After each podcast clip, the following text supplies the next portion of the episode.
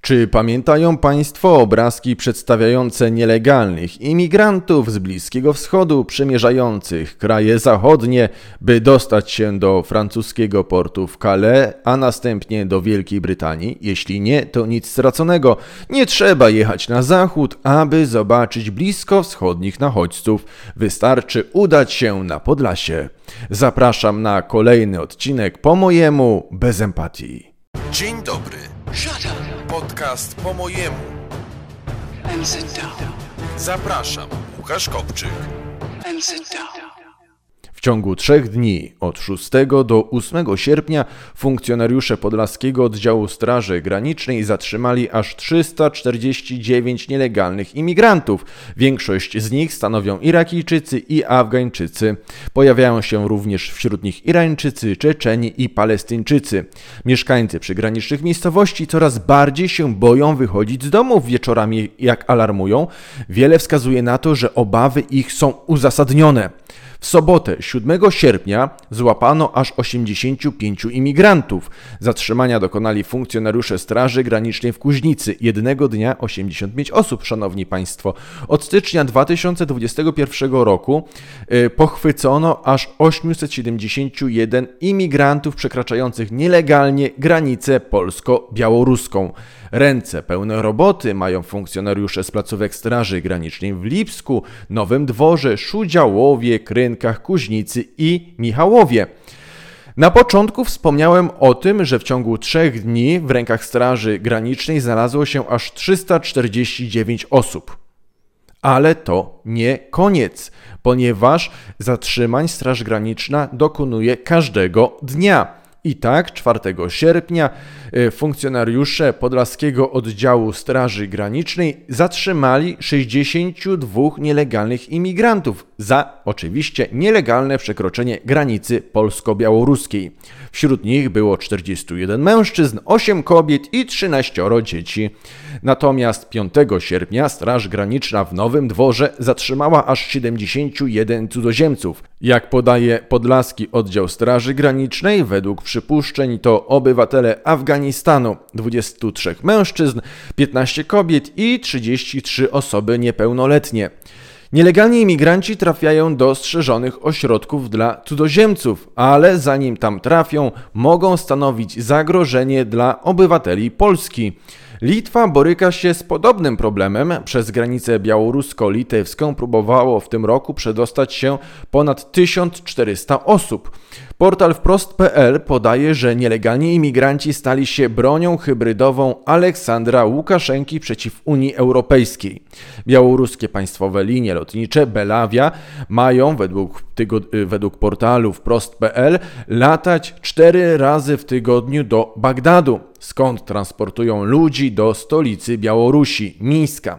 Bliskowschodnim podróżnikom wydaje się wizy turystyczne, a następnie są oni autokarami przewożeni w stronę granicy z Litwą. Białoruska Straż Graniczna pozwala przekraczać granice bliskowschodnim turystom bez żadnego problemu. Jeśli tak się dzieje w przypadku granicy litewsko-białoruskiej, to czy może podobnie dziać się w przypadku granicy polsko-białoruskiej? Wszystko wskazuje na to, że tak. Mieszkańcy przygranicznych miejscowości się boją. Kobiety przestrzega się, by wieczorami nie wychodziły z domów. Dochodzi do kradzieży z przydomowych ogrodów i tak na przykład pewna matka strofowała swojego syna, by ten nie wybierał jej plonów z ogródka. Ten zaskoczony, ponieważ nie wiedział o czym mówi jego rodzicielka, poszedł sprawdzić warzywne grządki, odnajdując jednocześnie plecaki nielegalnych imigrantów. Wyobraźcie sobie, co wtedy musiał czuć, e, a co czułaby matka e, tego mężczyzny, gdyby poszła do ogródka i znalazła, natrafiła na imigrantów y, o śniadym, y, o śniadej karnacji skóry. Czy polskie media, zadajmy sobie pytanie, będą biły na alarm? Czy może będą udawały, że nic się nie dzieje? Czy bezczynność mainstreamu obecnie wynika z inicjatywy władz państwowych, aby nie wzbudzać obaw czy nawet uzasadnionej paniki? Dlaczego media z obcym kapitałem zagranicznym również milczą? Zmowa milczenia. Temat ewidentnie jest wyciszany. Podejmują go przede wszystkim lokalne, niezależne media oraz Straż Graniczna, informująca o swoich zmaganiach z nielegalnymi imigrantami. Czy rząd Mateusza Morawieckiego, zapytajmy, podejmie jakąkolwiek reakcję? Czy okaże się jednak, że Prawo i Sprawiedliwość czekać będzie tak długo do momentu, gdy temat pojawi się w mainstreamowych mediach i wtedy nastąpi gaszenie pożaru konewką? Strategia opierająca się na przeczekaniu tak długo, jak to będzie możliwe, wpisuje się w najczęściej obieraną taktykę przez Jarosława Kaczyńskiego. Istnieje także ewentualność, iż temat uchodźców zostanie wyciągnięty w najdogodniejszym dla PiSu czasie, kiedy będzie potrzeba przegłosowania danych ustaw, czy po prostu przepchnięcia, nie, nie unikajmy tego słowa. Czy polskie media będą biły na alarm, czy może będą cały czas udawały, że nic się nie dzieje? Zadawajmy sobie takie pytania. Czy bezczynność mainstreamu wynika z inicjatywy władz państwowych, aby nie wzbudzać obaw, czy nawet uzasadnionej paniki? Dlaczego media z obcym kapitałem y, również milczą? Temat ewidentnie jest wyciszany. Podejmują go przede wszystkim lokalne media, y, niezależne media oraz Straż Graniczna, informująca o swoich zmaganiach z nielegalnymi imigrantami. Panie, sołtys Zubrzyca Wielka, uchodźców, proszę bardzo, mamy. Skolko ugodna. Jedź, jedź, Ulcia, jedź, bo kurwa poczekają. No ale co ty, niech wyjdą co będziemy robić? Zaraz nie bić się, zatrzymałem, podjeżdżę. Stójcie, stop! Ej! Zatrzymujcie się, ej! Stójcie, już jadą po was, poczekajcie, stójcie, usiądźcie, nie, nie uciekajcie, stójcie, o chłopcy. Jest, o, good, good. Hej, kurwa, chłopaki! Brawo, ej, stójcie, nie uciekajcie, nie bójcie się. Stop, stop! Zachęcam do polubienia i udostępniania tego filmu oraz informowania najbliższych o tym, co dzieje się w Polsce. Czekam również na Państwa opinie wyrażonych w komentarzach pod tym nagraniem.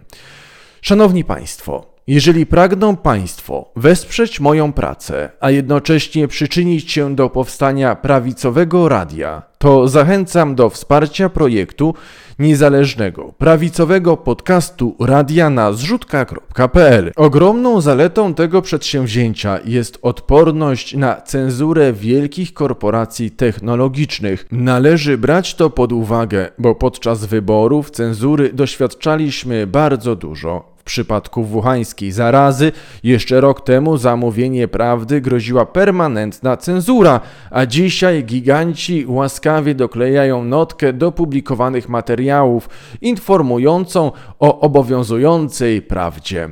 Jednak w przypadku chińskiego TikToka, gdy opowiedziałem historię mojego kolegi i powikłań, jakich doznał, to TikTok uznał, że to nieprawda i zablokował mi konto, usuwając jednocześnie nagranie.